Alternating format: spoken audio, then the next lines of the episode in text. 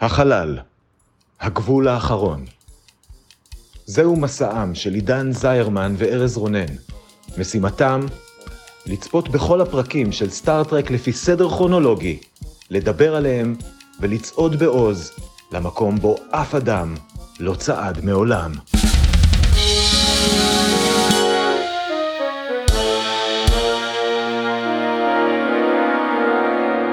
שלום, אני עידן זרמן, ואני ארז רונן. ואנחנו הולכים לדבר היום על פרק 29 והאחרון, וואו, בעונה הראשונה של yeah. סטאר טרק, הסדרה המקורית. פרק נקרא Operation Annihilate, הוא שודר במקור בתאריך 13 באפריל 1967, וכרגיל, כדי להכניס אתכם לעניינים, נתמצת את כל מה שקרה בו בדקה אחת. ארז, אתה מוכן? בפעם האחרונה לעונה זאת אני מוכן, כן. יאללה בלאגן. כשקפטן קירק מגלה שאמבות גלקטיות מסוכנות השתלטו על הכוכב דנבה, בו גר אחיו סם, הוא מבקש מסולו לשים גז ולטוס כמה שיותר מהר לכוכב הזה. זה לא ממש עוזר לו, כי עד שהוא מגיע לשם אח שלו כבר מזמן הופך לפגר, והאמבות הגלקטיות האלה מצליחות אפילו להדביק את ספוק במגפה הגלקטית שהן עושות, אותה מגפה שגם גרמה לכל אנשי דנובה, כמו גם ללא מעט תושבי כוכבים אחרים, להשתגע מכאבים ולמות. המזל שלנו הוא שספוק הוא גיבור אמיתי שעמיד לכל כאב, ובעזרת התושייה שלו הצוות הצליח לגלות שהאמבות האלה אלרגיות לאור, מדהים. ספוק אמנם התעוור על הדרך, אבל כבר אמרנו שהוא גיבור אמיתי, אז במהרה מתברר שהעיוורון שלו זמני, ושהאמבות בכלל אלרגיות לאור אולטרה סגול שלא מזיק לראייה. קירק מציל את חייהם ועיניהם של תושבי דנובה, ומנצח את האמבות הגלקטיות, קצת מאוחר מדי בשביל אחיו, זיכרונו לברכה, אבל אי אפשר לקבל הכל בחיים. ובכן, כל הכבוד. כן. כל הכבוד לך וכל הכבוד לספוק ולאמבות. אה, אחלה אמבות. כן. טוב, זה היה עוד פרק שבו אנשי צוות של האנטרפרייז סופחו כנגד רצונם לקולקטיב כלשהו, בניגוד לקולקטיבים שהשתלטו מנטלית בפעמים הקודמות, אז אוקיי, היה לנו אחד ששולט בצורה טלפתית ומוחלטת, ואחד שגורם להם אושר וסיפוק, ובגרסה הזאתי הם אה, מונעים על ידי כאב. כן, וזה בכלל אה, תאי מוח שנפרדים ומשהו... כן, כן, היה בלה לזה, בלה. כן. אבל זה גם היה, זה הרגיש כמו הרבה פרקים כאלה שכבר ראינו, זה גם הרגיש קצת פרק מגפה סטנדרטי, כמו The Naked Time או כל פרק מגפה אחר שהיה. כאילו זה הרגיש קצת כזה כמו, כן, כזה כמה פרקים שכבר ראינו, קונפליקטים שאנחנו מכירים, בוא נרכיב אותם מחדש איכשהו, ויאללה בסדר. ובטח יחסית לזה שזה הפרק האחרון בעונה, זה היה קצת underwhelming. בתור פרק אחרון כן אני ציפיתי אוקיי אני יודע שאנחנו לא שאנחנו בשנות ה-60 סטארטק עוד לא היו עשו את הקטע של לסיים את הסדרה ב... לסיים עונה בקליפהנגר ובאופן כללי עונות לא היו איזה יחידה סגורה כזאתי אבל זה עדיין היה קצת מה... ממוצע מאוד בתור פרק סיום עונה. כן. ובכל זאת כן מצאתי כמה דברים להגיד עליו, אוקיי לא המון, אני חייב לציין. אוקיי הדבר הראשון היה זה ש... בוא, בוא נדבר על זה רגע. גם אם נתעלם מזה שזו דמות שחוזרת אחר כך ב-Strange New World וכאלה. קירק איבד בתחילת הפרק הזה את אח שלו. אוקיי? לא הכנסתי את זה לתקציר, אבל האישה של האח שלו והבן של האח שלו עוד, עוד שורדים קצת, והוא מנסה גם להציל אותם, וזה נותן לו עוד חיבור קצת יותר רגשי לכל הסיטואציה, אבל בכל זאת הוא מאבד את האח שלו. כן. בתחילת הפרק, ולא מתייחסים לזה, זאת אומרת, כאילו, זה די עובר לו מעל הראש. בטח ברגע שספוק גם אה, בסיכון וזה היה קצת מוזר. זאת אומרת אז למה למה הרגתם לו אח? כן. אם זה לא מאוד הניע אותו יותר ממה שזה היה מניע אותו אם, אם זה סתם היה בן אדם רנדומלי. בגרסות המקוריות של התסריט זה לא היה אח שלו אלא היו דמויות אחרות אבל כן כאילו אני, אני חושב אני לא רוצה להגיד שוויליאם שטנר הוא שחקן גרוע ברור לגמרי שהוא לא ליאונרד נימוי אוקיי? מבחינת יכולות המשחק שלו אבל אנחנו בדיוק אחרי פרק שבו ראינו אותו משחק היטב ומצליח להפגין בתור קפטן קירק כאב. והפרק הזה כן הוא בעיקר כועס חלק מהזמן לא תמיד בצדק. יש קטע שהוא דושי במיוחד לאוהורה כי הוא קצת מודאג מאחיו שזה נראה מאוד מוזר ולא במקום. בסדר אותו דבר קורה אחר כך גם לצ'אפל עם אה, באונס. כן נכון ואני, אבל אני רוצה לדבר על זה גם בהקשר אחר על הקטע הזה עם- זה כאילו כן יש, יש אבל קטעים בפרק הזה שגם קרק וכמה מקויים מתנהגים כמו דושים לפקודות שלהם בלי סיבה טובה במיוחד אז, אז אבל ספציפית לגבי קירק אז הוא אוקיי, קצת כועס כשהוא מודאג בהתחלה וכמה פעמים הוא כזה חושב אוקיי אוי אה, אני- מה יקרה עם אה, פיטר הבן של אחיו אה, אם הוא יחווה כאב כמו ספוק וזהו כאילו זה לא משחק תפקיד. yep. ואז גם פיטר נעלם. כן, נכון.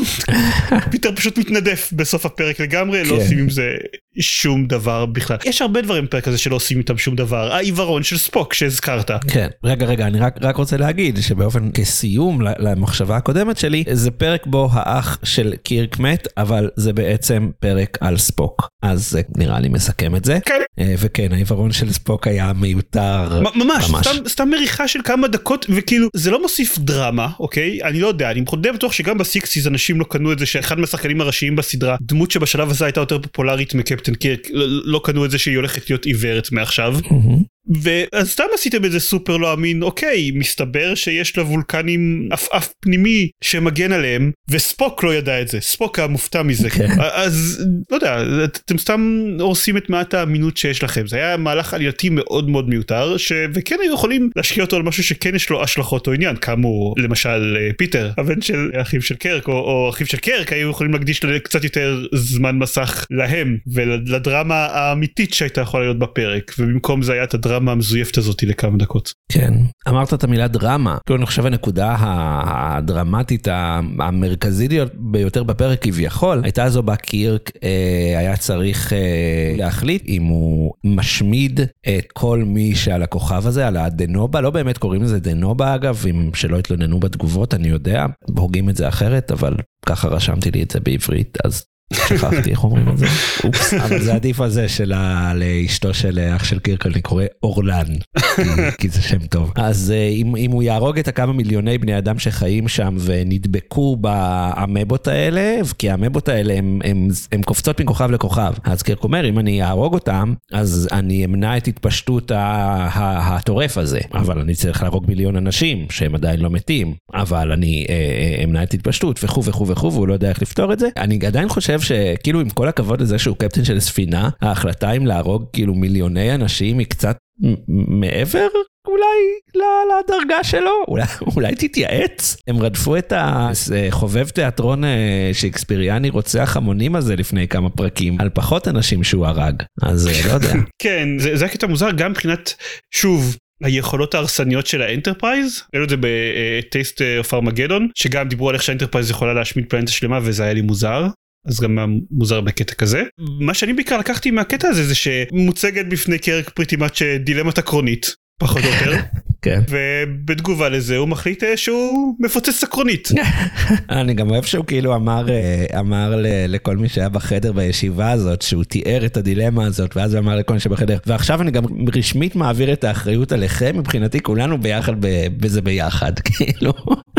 לא רק אני הולך לכלא, אם זה פשע מלחמה חברים, אתם איתי. אה, מנכ"לות אה, טובה, מנכ"לות כן. טובה, יופי של קפטן. להגיד אבל שמה שיפה בזה זה שאנחנו מדברים הרבה בפודקאסט הזה על המיתוס של קפטן קרק ואיך ההתנהגויות שלו לא תמיד תואמות את המיתוס הזה. ואני חושב שזה בעיקר בולט מבחינת היחס לנשים ומבחינת זה שהוא בסך הכל די צייתן רוב הזמן ולא כזה ילד רע כמו שאנחנו זוכרים אותו אבל הקטע הזה שבו כאילו מציגים בפניו את השתי אה, אפשרויות ואומר לא אני רוצה אפשרות שלישית זה לגמרי המיתוס של קפטן קרק. כן, זה זה לגמרי קטע שלוקחים שנים קדימה אחר כך. כן. ואז הם גילו. כן. ואז היה את הקטע הבאמת מטומטם, בתחילת הפרק, גם זה לא אמרתי בתקציר, אז בתחילת הפרק אה, יש איזה מישהו מהכוכב הזה, מהדנובה, דנובה, whatever. דנבה שהצליח לקחת איזה ספינה ו- וטס לכיוון השמש, ולפני, רגע לפני שהוא מתפוצץ בשמש, הם שומעים אותו אומר בקשר, אני חופשי, אני סוף סוף חופשי. אז הם יודעים שמשהו בשמש הורג את האמבות, ואז יש ממש קטע שהם עושים כזה סיעור מוחין, אוקיי, אה, עשינו מלא בדיקות, בדקנו קרינה, בדקנו חום, אה, אבל אנחנו יודעים שאוקיי, השמש חמה, אה, לשמש יש קרינה, השמש הופכת מסה לאנרגיה, מה עוד השמש? מה עוד השמש? ואז קירק, אני יודע, השמש מפיצה אור, בואו נחשוף את האמבה לאור, וזה סצנה מטומטמת.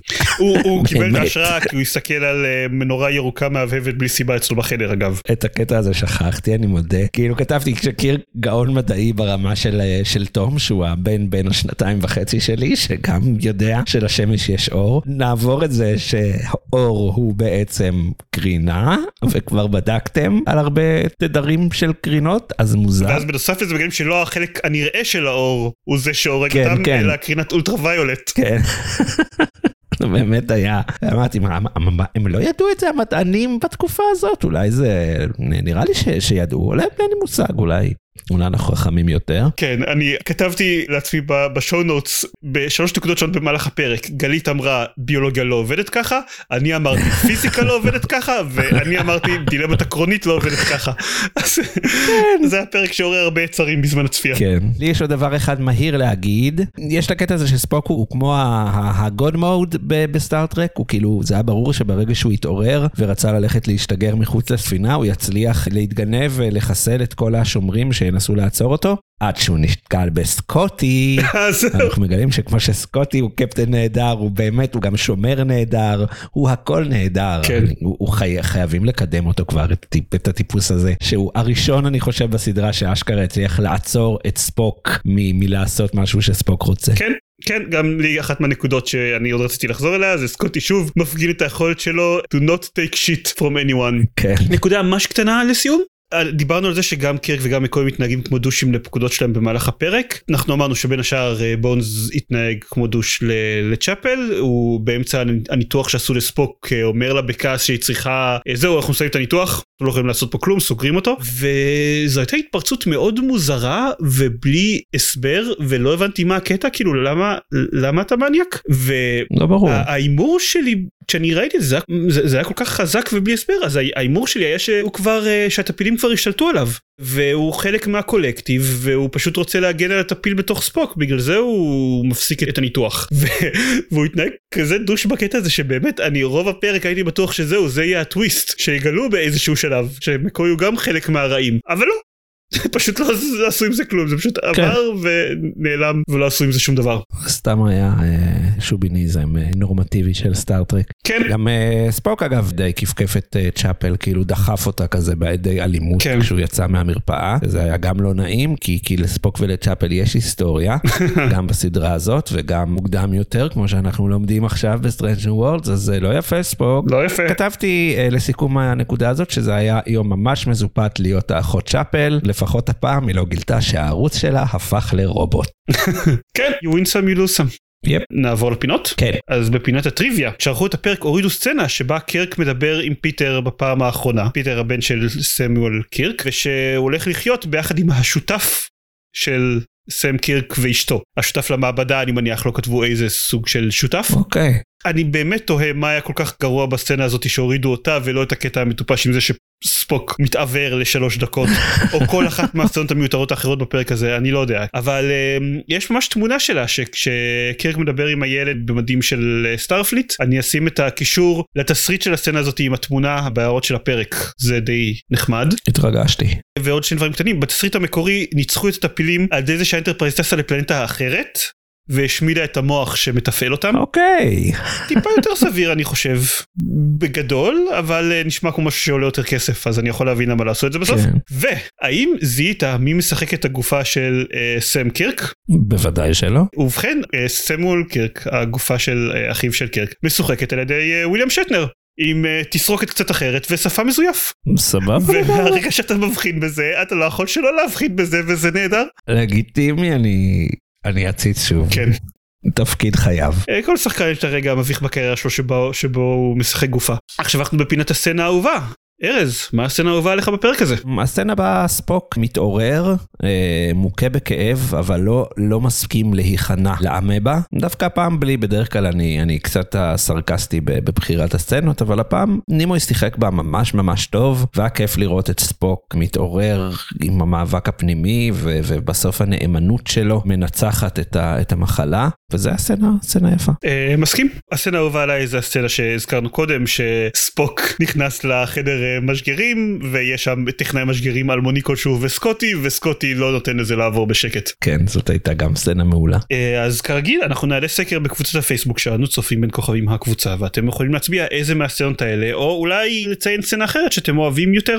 אולי למרות שהם התקשו בפרק הזה אבל שיהיה להם בהצלחה. למה, כן זה לא זה לא פרק עם המון המון מבחר אבל אני כתבתי לעצמי עוד איזה מועמד אחד או שניים. כן. ועכשיו בפינת השאלה המתחלפת שלנו ארז כן. אנחנו גילינו שקרינת אולטרה סגול הורגת את הטפילים האלה אבל בוא כאילו נדבר תכלס הם לא ניסו הכל שם אם לקח להם זמן עד שהם עלו על, על אור אולטרה סגול הם כנראה לא, לא היו כאלה קפדניים בניסויים שלהם מה עוד הורג את הטפילים האלה? אה, עונות מעבר.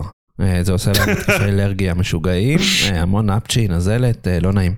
עונות מעבר. הגיוני. התשובה שלי לזה היא פרקים גרועים במיוחד של סטארטרק הסדרה המקורית. לא, לא אמרתי לצערי שאהבתי את זה שהדנובה הזה נראה כמו שילוב של אוניברסיטת תל אביב מבחינת הברוטליזם וכיכר רבין מבחינת המזרקה, אבל בסדר, אמרתי עכשיו. כן, ועכשיו בפינת ה top 3 המתעדכן שלנו, ההזדמנות האחרונה לעדכן את הרשימה שלנו לעונה הזאת. Mm, ה top 3 הנוכחי של ארז הוא במקום השלישי הפרק משבוע שעבר The City on the Edge of Forever, במקום השני Balance of Terror ובמקום הראשון Spaced. נו, ארז? זה יפתיע אותך אבל אה, זה- זה לא נכנס, למרות שיש שני מקפים וסימן קריאה בשם של הפרק. למרות זה.